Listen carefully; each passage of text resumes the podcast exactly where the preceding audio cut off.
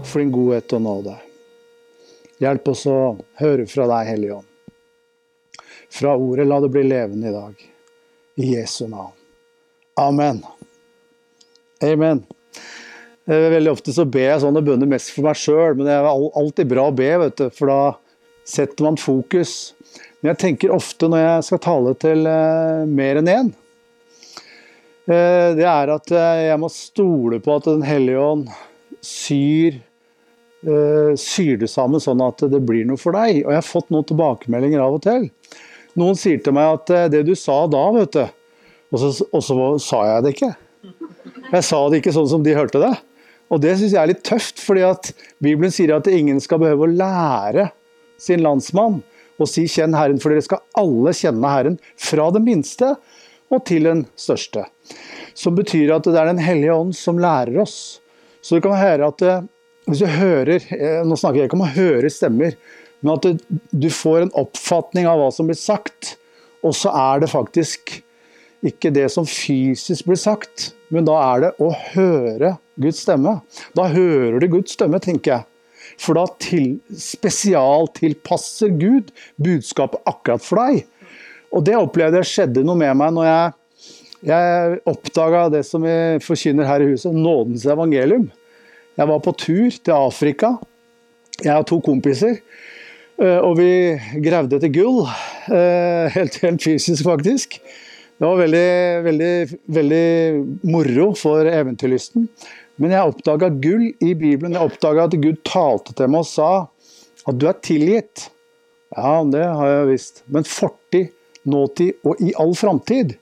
Og der og da forsvant frykten min for døden. Der forsvant frykten min for at Tenk om det klikker for meg når jeg blir gammel, eller jeg begynner å ruse meg og drive med mye rart. da. Så kanskje jeg mister frelsen, liksom. Den lå der og murra i underbevisstheten min. Fordi jeg trodde tidligere da jeg var sånn tolv år, så kom jeg til tro på Jesus og gikk fram på et uh, teltmøte. Og for da var det sånn, mer sånn da, Kom fram, came frame here, liksom. Og bøy deg. Og, og det gjorde jeg på det møtet. Og det skjedde noe, men så Jeg fikk liksom aldri helt tak i hva dette var for noe. Men jeg merka virkelig at eh, Åra gikk, eh, livet ble vanskelig, og så forlot jeg Gud. Han forlot jo ikke meg, det var jeg som forlot han. Og det har jeg jo skjønt etterpå, for jeg gikk jo egentlig og snakka litt med han sånn i det skjulte, da. Spesielt hvis jeg hadde det litt tøft og vanskelig. Så prata jeg med Gud og Jesus og ja da. Men jeg tenkte at nå var jeg borte fra Gud. Eh, og så, når jeg kom tilbake eh, når jeg var 25 år og fikk en eh, opplevelse av Den hellige ånd, da, da skjønte jeg at han lever. Men så begynte jeg på det kjøret som jeg så veldig mange andre kristne dreier med også.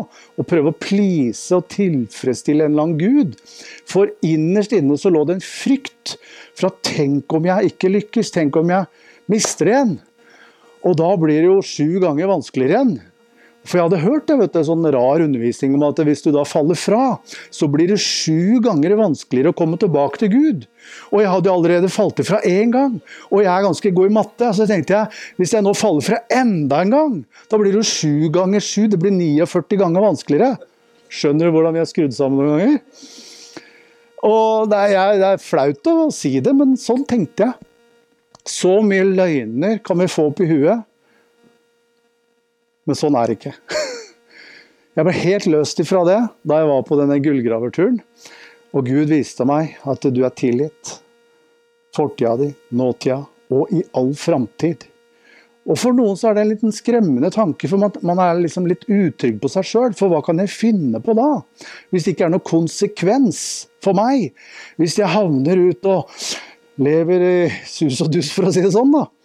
Men greia er at den nåden gjør oss sånn at det, den former hjertet vårt. Den danner hjertet vårt på en annen måte. Og det er egentlig det som er selve helliggjørelsen. da. Og helliggjørelse det er et sånn skummelt ord for noen. For da tenker man at da må jeg begynne å ta meg sammen, jeg må begynne å skjerpe meg, jeg må begynne å bli sånn og sånn. Men greia er at det er nåden som opptukter oss, det er nåden som trener hjertet vårt. Trener hjertet vårt. Og det, det står at den vender sinnet vårt til Gud. Den, den oppøver meg sånn at jeg begynner å tenke som Gud. Og det er nydelig, skjønner du. Det er derfor vi må være litt sånn nøye på hva vi hører. Og derfor tenker jeg at når jeg får tale til hjertet ditt, så vil Den hellige ånd bare si deg det som er bra. vet du. Så selv om jeg sier noe som du er kanskje ikke enig i, så er ikke det så farlig. For Den hellige ånd han skal bevisstgjøre hjertet ditt, sinnet ditt, på hva som er sannheten. Og sannheten er Jesus. Ok, det var eh, innledningen. Første Korinterbrev 2,16 så sier det sånn. For hvem har kjent Herrens sinn, altså tanker og følelser, så han kunne lære han, men vi har Kristi sinn. Og bare den uttalelsen fra Paulus at vi har Guds tanker, da, den er ganske mm, fin. Fordi Bibelen sier jo det at vi er nye skapninger. Vi er født på nytt. Og så skal vi akte alt det gamle som borte, og så skal vi se oss som nye skapninger. Og en ny skapning er jo en som aldri har levd før. Så når vi, når vi kommer inn i den tankegangen der sånn, så kan vi tenke sånn at eh, det er litt trening. Vi trenger å trene oss litt på å rette blikket mot det som er der oppe. Og Derfor så tar jeg med Matteus 6,33 også. Vi hadde en samling her i går hvor jeg også delte litt om det.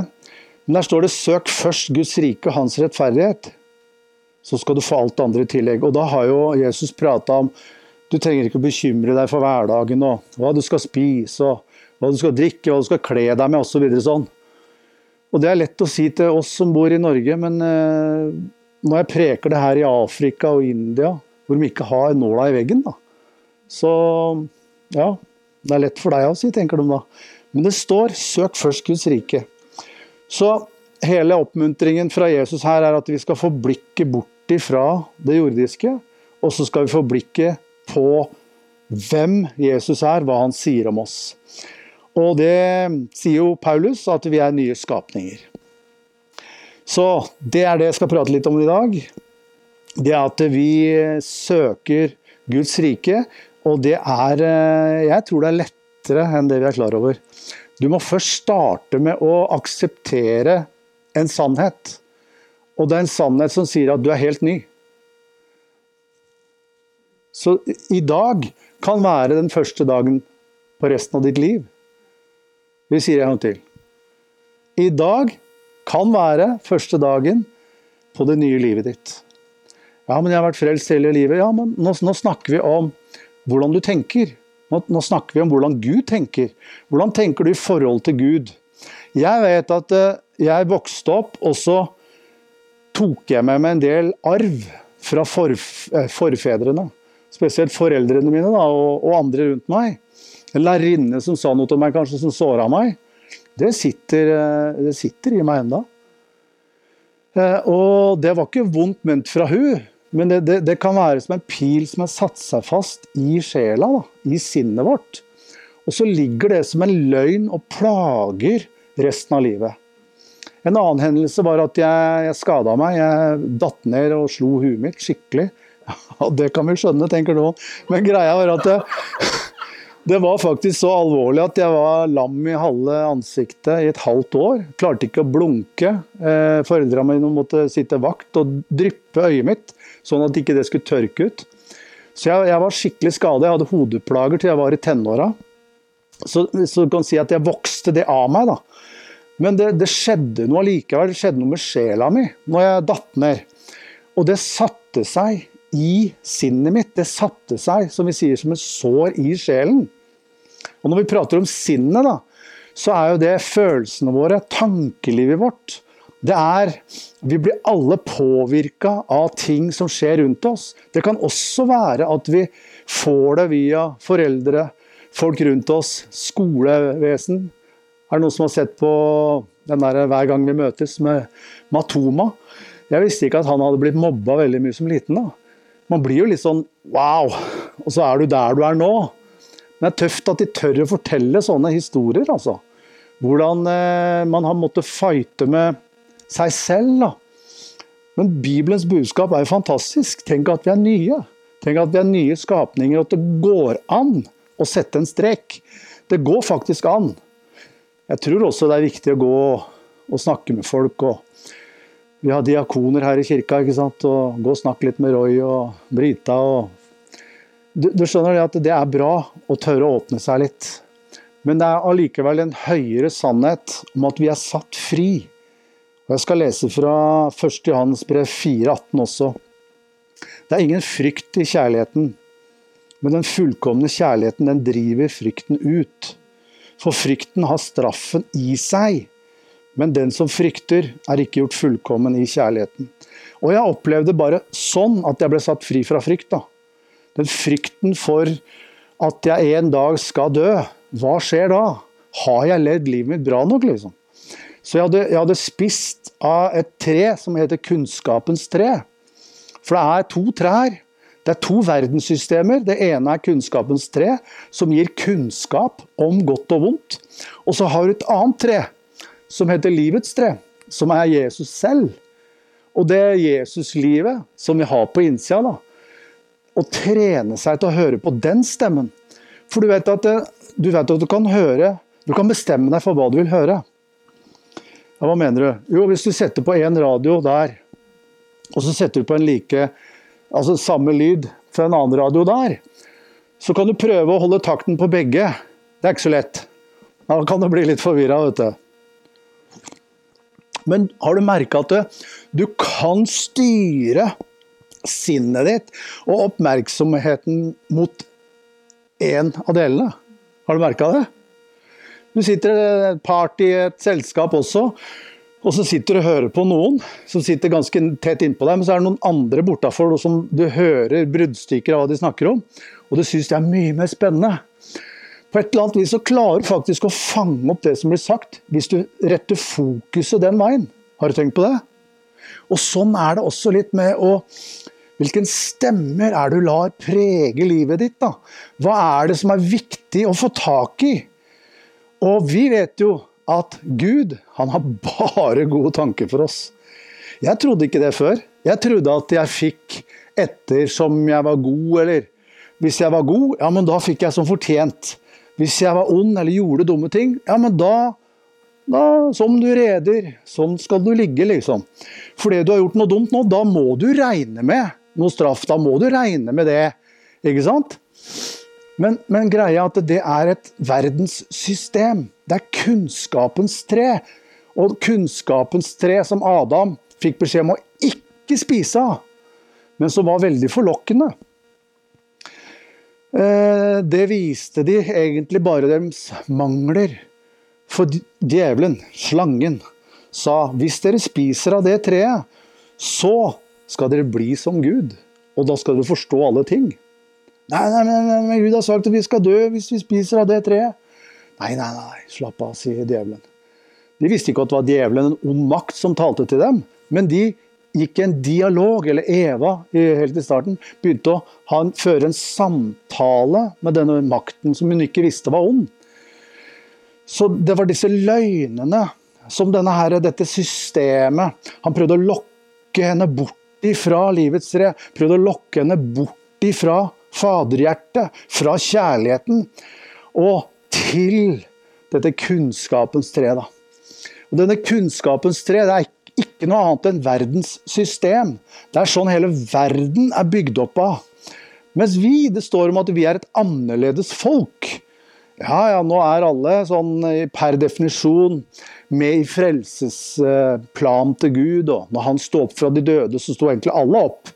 Det er bare at eh, mange går rundt og har bind for øya og dekke over hjertet. Og det er faktisk eh, litt alvorlig. Og det er jobben vår, da, hvis vi skal si det sånn. Hjelpe folk bort.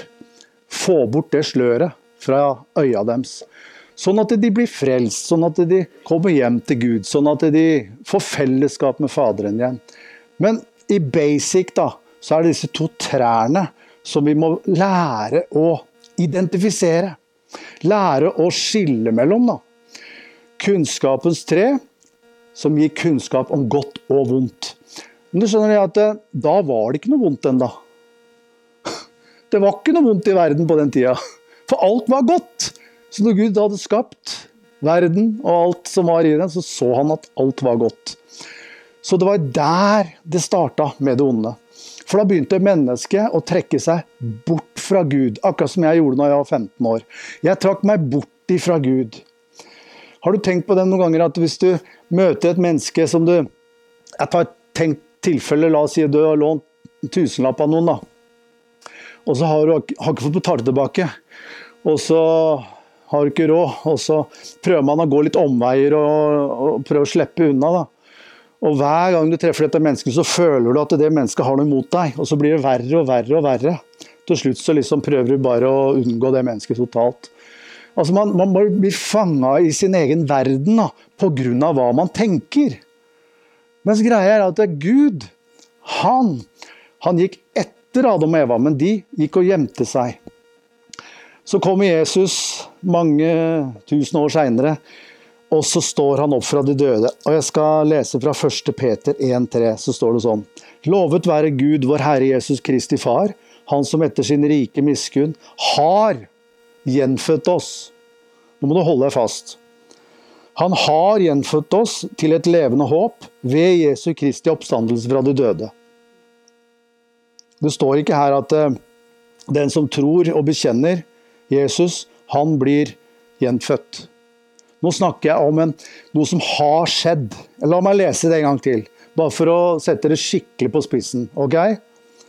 Lovet være vår Herre Jesu Kristi Far, Han som etter sin rike miskunn har gjenfødt oss til et levende håp ved Si ved. Ved hva du trodde og sa. Det kommer seinere. Nå snakker jeg om fundamentet. Han som har gjenfødt oss til et levende håp ved Jesu Kristi oppstandelse fra de døde. Du vet, Jeg kjenner mange mennesker som tror på Jesus, at han har levd en gang. Men når det kommer til det poenget om han sto opp fra de døde, der går skjæringspunktet veldig ofte. Altså det, er, det å tro Jesu Kristi oppstandelse fra de døde, det er det som skiller faktisk. På om troen har våkna. Jeg tror at det ligger der latent i alle mennesker. Det tror jeg, men det må våkne. Du må, du må, du må få bort dekket over hjertet, eller foran øya. Da begynner du å se. Da kommer lyset på. Dette skjedde. Vi sier det sånn at når Jesus dør på korset og står opp igjen, så frelste han hele verden. Men hva betyr egentlig det? Når Jesus står opp fra de døde, så skjer det en ny skapelse. En ny skapelse, vil si et a new creation. Altså, da skaper Gud et nytt univers. Men det er et usynlig univers. Det har jeg tidligere kalt for troens univers. Da kommer, det, kom noe som aldri hadde vært før. Og det kalles også for troen. Det var en gammeltestamentlig tro, men nå snakker jeg om en nytestamentlig verden som ikke har vært før. Og Jeg har ikke tid til å gå inn i Galaterbrevet og forklare forskjellen på gamletestamentlig troen og den nytestamentlige troen. Men det står at før troen kom, så var vi slaver under tuktemesteren. Vi var slaver under loven. Og da tenker mange jeg har ikke vært under loven. Nei, men vi har alle vært under det der verdenssystem som kalles kunnskapens tre. Kunnskapens tre som viste oss forskjell på godt og vondt. Det har vi alle vært under. Så når Jesus står opp fra de døde, så skapes det noe helt nytt. Da skapes noe som heter i ham. Og Du skal ikke lese veldig mye i Paulus' brev før det står om i ham, i ham, i ham, i ham.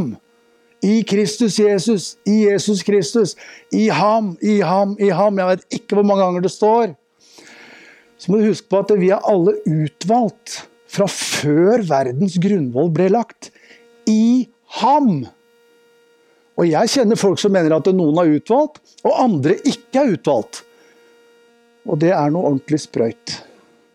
Fordi, sånn som jeg leser Bibelen, så er alle utvalgt i ham. Men vi må samarbeide med det. Det er noe med det å bøye sitt hjerte. Det er noe med det å akseptere det. Og hvis du hører sannheten, så sier Bibelen at sannheten skal sette fri. Jeg opplevde når jeg kom ut av frykt, det var nesten som å bli frelst en gang til, altså. Jeg blei jo herlig frelst da jeg var tolv år. Da skjønte jeg at eh, Jesus levde, jeg trodde på oppstandelsen. Men jeg hadde ennå ikke møtt Den hellige ånd på den måten som jeg gjorde da jeg var 25 år. Men i ham handler det om at Jesus er den nye skapelsen. Jeg skal tale om et, et vers. Og det er i apostlenes gjerninger. Skal bruke litt tid der. For det Paulus, han var rykka bort inn i himmelen, inn i paradis, står det. Som jeg tror er eh, Hvis jeg kunne åpne døra for det her sånn, så hadde vi sett inn i det, den dimensjonen. Jeg tror ikke det bare er liksom kjempelangt unna. Jeg tror det er rett ved. Jeg tror det er også inni hjertet ditt, i din ånd. Så er det, Der bobler det over av liv. skjønner du. Der har du allerede fått evig glede. Der er det ingen tårer. Der er det ingen nød. Der er det ingen mangler. Der er kroppen din fullkommen, til og med. Jeg sier sånn at jeg har jern og plater i ryggen. Jeg hadde ikke tid til å vente lenger. Og jeg, det var et eller annet som jeg, Hvorfor blir jeg ikke helbreda? Nei, det er av og til så veit jeg ikke. Andre ganger så skjer det. Har ikke peiling. Men jeg veit det at det, sånn i det åndelige Hvis du kunne sett deg sjøl i det åndelige her nå, da, så hadde du vært 30 år og still good looking. Vet du. Ja, du har fortsatt det, altså. Men du skjønner, det er liksom den perfekte alderen vår, tenker jeg da. Det er derfor jeg ikke føler meg stort eldre. Fordi at vi er i det åndelige, så er vi nye skapninger i Kristus. Der er vi perfekt. Har du kappa deg armen, ja, men da har du to armer. I det, det åndelige mennesket som det er, da. Og noe av utfordringen for mennesker er å få kontakt med sin ånd. Og det gjorde jeg da jeg var 25 år. Da åpna slusen seg, og, og det bare føltes som det bare vella fram. Som det står. Fra ditt indre skal det strømme strømmer av levende vann. Og jeg følte meg som født på ny uh, igjen.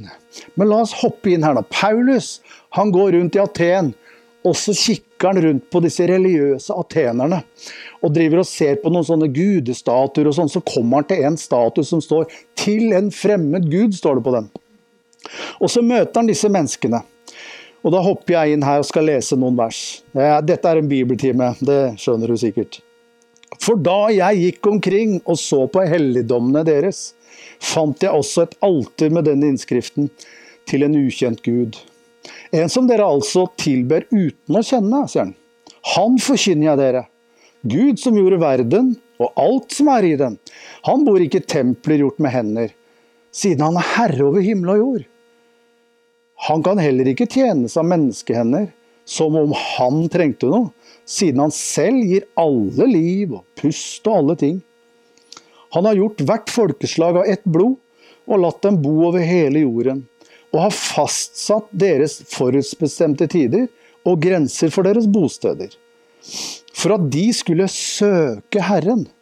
Så det er et eller annet at Gud vil at vi skal søke Ham. Søk først Guds rike. Søk først de prinsippene her. Søk først Hans rettferdighet. Så får vi alt det andre. Så det handler om å få øya opp for denne nye verden. Få øya opp for den nye skapningen, for hvem du egentlig er. Så skal du få merke at ting raser av. Ja, Det høres ut som sånn quick fix. Jeg sier ikke at det er det, men av og til så er det det. For meg, jeg ble løst fra frykt sånn.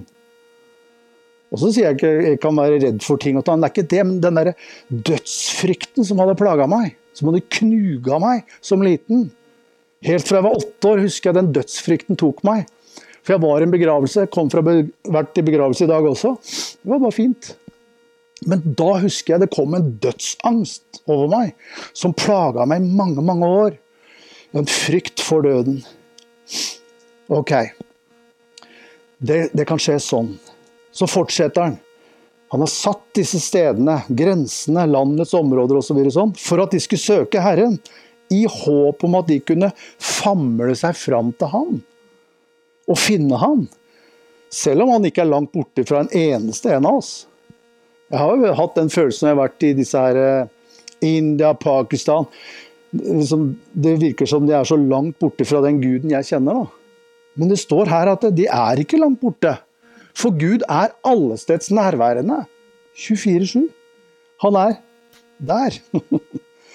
Og så kommer det i vers 28. Hør nå. For i ham, sier Paulus. For i ham er det vi lever og beveger oss og er til. Tenk deg nå at det rommet her er den nye skapningen. Dette er det nye skaperverket som skjedde da Jesus sto opp fra de døde. Og her kan vi gå rundt, vet du, bevege oss rundt omkring og være til. Ikke sant? Men det går an å ha lyset på eller av, alt ettersom. Det går an å høre på feil lyder. Det går an å høre på feil stemmer. Du har to stemmer i verden. Det ene er kunnskapens tre, det andre er livets tre. Det er to systemer, to helt vidt forskjellige systemer. Selv om det er noe godt i kunnskapens tre, så er det også ondt. Men godt og vondt, det er en menneskelig tanke som vi alle har. Men i Kristus så er det bare godt. I ham, i livets tre, det er den du er. Du er i Han. Du er en del av Han. Du går og beveger deg inn i Ham. Så nå snakker jeg om livets tre, så snakker jeg om i Ham som et rom. Som egentlig hele verden er skapt inn i. Det er bare at vi går rundt med bind for øya. Vi går rundt med dekke foran hjertet. Av forskjellige årsaker. Og Det ene grunnen til at vi har dette her eh, dekke, hjertet, altså det, det, det er dekka til, da, det er pga. denne verdens system. Det er pga. den måten vi tenker på. Det er den måten vi er skapt inn i denne verden på. Adam er vi alle slekt med. Jeg sitter med svogeren min i dag, som er slektsgransker. Og han fant masse hyggelige ting. Kona mi er slekt med både presidenter og diverse sånn, da. Så det er hyggelig, da. Men greia er at vi alle er i slekt, visste du det? Hvis vi går langt nok tilbake, så er vi alle i slekt. Og vi kommer alle fra Adam. Så det vil si at vi alle er vært prega under kunnskapens tre. Som forteller oss forskjellen på rett og galt. Og da tenker du ja, hva er det som er gærent med det? Nei, nettopp. Det er det som er hele problemet. Jammen, jammen, jammen, jammen. Men livets tre, det er Kristus. Det er hans sinn vi har fått. Det er hans tankegang og faktisk også følelser. Det vil si at hvis du tør i dag å bestemme deg. Du tør i dag for å ta en beslutning. Jeg er i ham. Og jeg er en ny skapning. Jeg kan faktisk sette en strek for alt det gamle. Og så kan du begynne å identifisere deg med den Gud sier at du er. Han sier at du er vakker. Han sier at du er hans øyensten. Han sier at du er en ny skapning. Han sier at han ikke lenger kommer dine synder i hu. Han husker ikke. Han er ikke dum, skjønner du. Det er ikke derfor han ikke husker. Nei, det er mer det at han, han er Gud. Han kan alt. Så han ser dem ikke lenger. Fordi han har sendt sin sønn for å fjerne all synd fra fødsel til død. Fra du kom inn i denne verden til den dagen du går i grava, hvis du er her så lenge. Kanskje Jesus kommer for det, vet du. Hva, hva vet jeg. Men greia er at alt det der, det er ikke et issue for Gud. Det har blitt et issue for religion og for mennesker å peke på rett, galt, rett, galt. Mens i Kristus så fins det bare godt. I ham der er det bare lyst. Der er det ikke noe mørke. Der er det ikke noe løgn. Det er bare sannhet. Det er ganske kraftig. Og jeg sier ikke at er, vi er løst fra alt til enhver tid, men greia er at det starter et sted. Når jeg skjønte at jeg er som han er i denne verden. Den er ganske stor og tung å svelge. Tenk at vi er som han er nå. Altså Nå snakker jeg om Jesus. Når Jesus dro opp og satte seg ved Faderens høyre hånd, så sier Johans brev at vi er som han er nå. Ja, det kan du dra lenger på landet med. Fordi at vi kjenner oss så godt sjøl. Ikke sant? Men hvis du kunne tenke at du begynner et nytt liv i dag, da. La oss si at du blir født her og nå. Da har du jo bare framtida foran deg. Du slipper å dra med deg masse grums fra fortida. Nå snakker jeg om den ultimate sannheten, ikke sant? Eh, jeg tror at det å starte der Det blir som å starte Se for deg New York nå. Se for deg at alle tårna er nede. All, altså, det er bare grønne sletter, ikke sant? Det var, det, det var den første starten for New York. Og det, Da ser du sola kommer opp i horisonten, og den er fin. ikke sant? Det lyser på deg, og du kjenner varmen og du, kjenner, du ser lyset. Men så begynner det å poppe opp sånne husfjell. Og så blir det bli flere og flere av dem. Dette kalles tankebygninger. Det står om at vi skal rive ned alt stort og stolt som reiser seg mot kunnskapen om hva da? Om Gud. Og det skjer ved forkynnelsens dårskap. Det å høre ordet forkynt, det å høre om Jesus, det gjør at disse høyblokkene kommer ned. For når du går midt inne i New York, så er det masse skygger der, selv om det er høylys dag. Selv om sola står høyt på himmelen, så kan det virke som det er skygger midt inne i byen. Kanskje kjenne på varmen. Men greia er at sola forsvinner når alle disse tankebygningene reiser seg rundt oss. Og spesielt inn i huet. Jeg husker vi hadde en gutt oppe på senteret som eh, nå har Vi hadde lovsangen der på, på Rehab-senteret, der var jeg og Ruth jobba der også. Så så jeg at han satt og svetta så fælt under lovsangen. Han, han var, var, så stressa. Og så sier jeg du må være med å synge. Syng med det nebbet da. Nei, jeg kan ikke synge. Kan ikke synge, sa jeg. Men her synger alle med det nebbet du har, sier jeg. Lån litt av det, da. Nei, jeg kan ikke synge sånn. Ja, men hvem har fortalt deg det? For det var jo det Gud sa til Adam og Eva. Hvem har sagt at dere er nakne? Har dere spist av det treet? Så måtte de innrømme ja, det var det de hadde gjort. Så jeg sier til denne gutten, hvem har fortalt deg at du ikke kan synge? Hvem er det som har proppa deg full av denne løgnens tanke? Nei, så innrømte han til slutt. Det var ei lærerinne som hadde sagt det til han. For de hadde hatt et sånt kor da skulle fremføre noe på en eller annen avslutning. Og der hadde han stått og breka som en sau da. Og så fikk han høre at du kan ikke synge, du må bare slutte å synge. Han var i stemmeskifte. Jeg har hørt gutter når de er stemmeskifte. Det går høyt og lavt. Så siden da så hadde han aldri synget en sang, han. Så vi fikk legge henda på han og løste den fra det.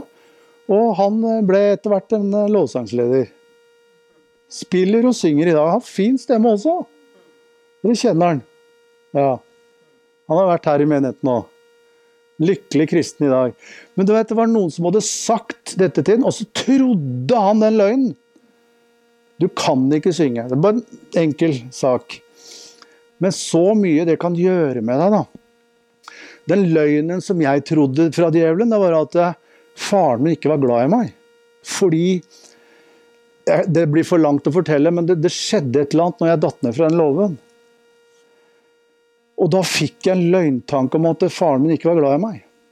Og den fulgte meg til jeg var 35 år. 35 år. Fordi han tok noen valg som eh, jeg ikke skjønte. Ikke sant? Men så fikk jeg en opplevelse av å se Jesus. Jeg så ikke Jesus. Jeg lukket øya, satt bare og ba. Og så var det i en terapitime sammen med noen andre. Vi satt bare og ba, og så skulle vi dele litt fra hjertet alle sammen. Og så kom denne herre Det, det, det innhenta meg gang på gang, da. Og så var det det at jeg, jeg datt ned der og følte meg avvist osv. Så sånn. Og da lukka jeg øya. Og så sier han karen som, som ber, se rundt deg i bilen. For jeg, da, han bar meg ut i bilen, og der lå jeg bevisstløs. Så våkna jeg plutselig med, med masse smerter i hodet. Og, og, jeg var helt aleine. Og jeg kjente på Det var kaldt og det var litt mørkt, og jeg liksom følte meg veldig aleine. Men så så jeg meg rundt i bilen, og så fikk jeg se Jesus. Mens jeg hadde øya igjen. da. For du veit at du har to sett med øyer, ikke sant? Visste du det? Du visste ikke det? Du har hjertets øyer også. Du ser med ditt indre. Hvis du lukker øya nå, alle sammen. Prøv, prøv å lukke øya. Og så sier jeg Prøv å se for deg nå et stille vann. Og så ser du en båt utpå det vannet. Så kan du åpne igjen. Var det noen som så det? Eller var det noen som ikke så det? Det er ikke alle som klarer å koble veldig fort. Men greia er at vi, vi ser ting for vårt indre. Og det er ikke verre enn det å se i ånden. Nå skal vi snart be sammen, vi skal ha fellesskap, vi får noen ganger bilder til hverandre. Og så driver vi og trener på dette, hvordan det her faktisk kan være med å oppmuntre hverandre. Fordi det er veldig sterkt når en annen person får et bilde eller en hilsen til deg som kan hjelpe deg, som kan løfte deg opp. Og det er vi veldig vant med her nede. Så det å se med ditt indre øye Prøv nå også å se for deg at når Jesus står opp fra de døde, så skaper han en ny skapning som er helt perfekt. Han, han, han står opp fra de døde, så er det det Hver gang du leser om 'i ham', så handler det om at der er alt fullkomment. Men dette er et, jeg har kalt det et troens univers også. Men det er også at det, når vi åpner øya inni denne dimensjonen, da er vi både løst fra det ene og det andre. Jeg ble løst da jeg så Jesus for mitt indre i den bilen. Og det var så mye følelser og så mye greier som slapp taket der og da. Bare ved at vi ba en bønn, bare ved at det var noe som leda litt i denne samtalen. Så når Paulus sier her 'for i ham er det vi lever og beveger oss', og da kan jeg stille det spørsmålet er det der du beveger deg? Er det der du til enhver tid er? Jeg er ikke der til enhver tid. Helt ærlig. Jeg må stadig søke Guds rike. Jeg må, hvis dagene er travle, hvis ikke jeg kommer i gang og får blikket på Han, så er det for seint klokka tolv. Altså. Da da er jeg så langt inn i det jeg driver med den dagen, så ber jeg noen sånne 'Takk, Jesus, og takk for at du er med meg og hjelper meg nå'. Absolutt. For vi ber jo. Vi lever jo i den dimensjonen. Men det er noe godt med det. Å bare fokusere. Begynne å høre på rett kanal. En radio der, en radio der. Hvem er det du hører på? Jo, hør på den stemmen som sier at du er perfekt. Du er en ny skapning i Kristus Jesus. Alt er bra med deg. Du er vakker. Du er pen, ja, det visste jeg, sa, sa, noen. Mens andre tenkte nei, jeg ser jo ikke ut. Nei, Men du skjønner, hvem har fortalt deg at du ikke ser ut? For når, Gud ser på sine barn, hvordan er det med dine egne barn? Du, du, de er vakre. Det er sønnene og døtrene dine som er de vakreste i verden, vet du. Er det ikke sånn? Jo, det er jo det. Og du skjønner, det er akkurat Hva er det vi ser? Vi skal se med våre øyne, åndelige øyer. Og Paulus prøver å få det her fram da, i sine brev. Forstå hvor hellig, ren og rettferdig du er til enhver tid. Så når vi snubler borti dette gamle systemet da, og forteller dumme ting om oss selv Hvis jeg f.eks. Kommer jeg ikke på noe feil jeg gjorde? Tenk deg så heldig jeg er, da. Prøvde å komme på noe sånn hverdagslig som ja, men hvis, hvis, jeg gjør et eller annet og jeg slår meg, eller jeg, et eller annet som jeg stresser med, og så hvelver det Jo, jo, da Hvis jeg stresser for mye og jeg hvelver mjølka, da, eksempel, eller noe detter ned, og så er det bare helt kaos, jeg stresser. I stedet for å irritere meg og kalle meg sjøl idiot, er det mulig å være så dum? Så har jeg begynt å le. Jeg har trent meg opp til å le. Jo verre det er, jo høyere ler jeg. Men det er bare noe jeg har trent meg opp til. Er det sant? Og jo, jo verre det er, da ler jeg i to minutter noen ganger. Jeg ler og ler og ler og ler og ler. Mens jeg driver ja, Kanel, f.eks. Jeg bruker kanel i kaffen. da. Og noen ganger så går den der kanelboksen i gulvet. Jeg skal bare ha noen sånne dråper oppe på kremen. ikke sant? Og du vet, det er så Det er verre enn støv, altså. Da har du jobben. Når du skal vaske kjøkkenet for kanel. Har du prøvd det noen gang? Da ler jeg mens jeg vasker. Altså flink du er. Nei, men jeg har bare trent den opp til det. I stedet for at ny feil følger, da. For det opplevde før jeg, hvis jeg stressa for mye, eller jeg, ble, Hele dagen kunne blitt ødelagt av en liten feil på morgenen. Så dette er bare praktisk, helt enkelt. Det er i ham vi lever og beveger oss og er til. Og dette sier jo Paulus til folk som er avgudsdyrkere. De er ikke frelst, de sto ikke på Jesus. Og så spoler jeg litt ned pga. tida. Så kommer han helt ned til For han har fastsatt en dag da han skal dømme verden i rettferdighet ved den mannen som han har innsatt. Han har gitt alle grunnlag for å tro dette ved å oppreise ham fra de døde. Hør hva som skjer. Og da de hørte om oppstandelsen fra de døde, så spottet noen. Mens andre sa vi vil gjerne høre deg tale om dette en annen gang. Det er der skjæringspunktet kommer. Troen på oppstandelsen fra de døde. Hvorfor er oppstandelsen fra de døde så viktig? Jo, for det er der han skapte en ny verden. Der skapte han det som vi kan leve i nå. Og Da snakker jeg ikke om liksom det vi ser med våre fysiske øyne. Vi kan juble og glede oss på innsiden. Det står at vi spiller og leker for Herren i våre hjerter. Hvordan gjør vi det, da? Det å trene seg opp på det indre bildet. Hva ser du for deg? Hvordan tenker du om deg sjøl? Klarer du å tenke motsatt av det du tror om deg sjøl? Fordi Bibelen sier det. At du er hellig. Du er ren. Du er rettferdig. Du duger. Du er akkurat sånn som Gud har skapt deg. Og jeg vil legge til med både feil og mangler. Og så vil han hjelpe deg ut av dine feil og snublerier, eller hva det nå måtte være. For det er Guds nåde. Det står det De som tar imot Guds overstrømmende nåde og rettferdighetens gave, de hersker som konger i livet ved det ene mennesket Jesus Kristus. Det å herske i livet det handler om å ha koll på hverdagen. Det handler om å ha kontroll på det du vil ha kontroll på. Ikke for å ha kontroll, men rett og slett det å herske over enhver situasjon som kommer. Og mangler som møter oss. Noen trenger kanskje å høre det. Man, man mangler noe. Men du skjønner, hvis du har kommet inn i hans rike, du er hans barn, du er hans sønn, du er hans datter, da har du det du trenger.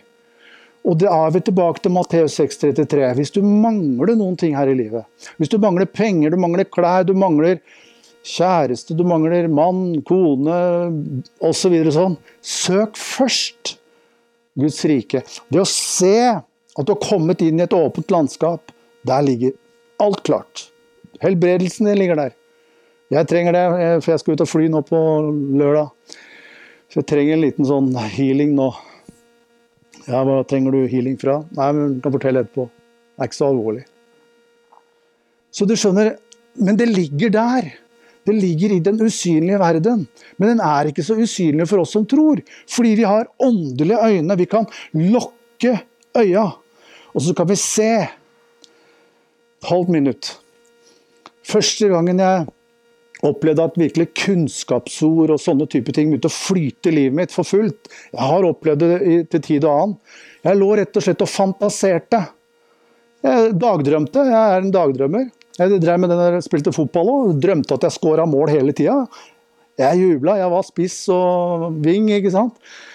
Og så ble det et og annet mål. Men så lå jeg sånn og dagdrømte. Jeg var på møte. vet du. Jeg lå bare slappa i senga. Og så drev jeg og så meg sjøl. Har du dagdrømt sånn noen gang? Selv når du kjører bil, så plutselig så driver du og tenker på noe annet, og så plutselig så har du kjørt to mil. Husker ikke at du kjørte de to mila engang. Er ikke det rart? Det er for at vi lever et indre liv samtidig. Et usynlig liv. Så jeg lå og drømte at jeg fikk kunnskapsord til folk. Midt i et møte. Og mens jeg drev der og talte ut kunnskapsord, så kom Guds kraft over meg, gitt! Sånn skikkelig. Jeg ble fylt av Den hellige ånd. Og så tenkte jeg, men i alle dager, det er jo ingen som jeg kan be for her. men det var at jeg fikk kontakt med kraften. Jeg fikk kontakt med mitt indre, med det himmelske. Det ligger der klart for oss alle sammen. Alle nådegaver ligger klare. Og så bruker du det du får tro for, og det skal vi gjøre etterpå. Fikk du noe ut av det? Tusen takk for meg.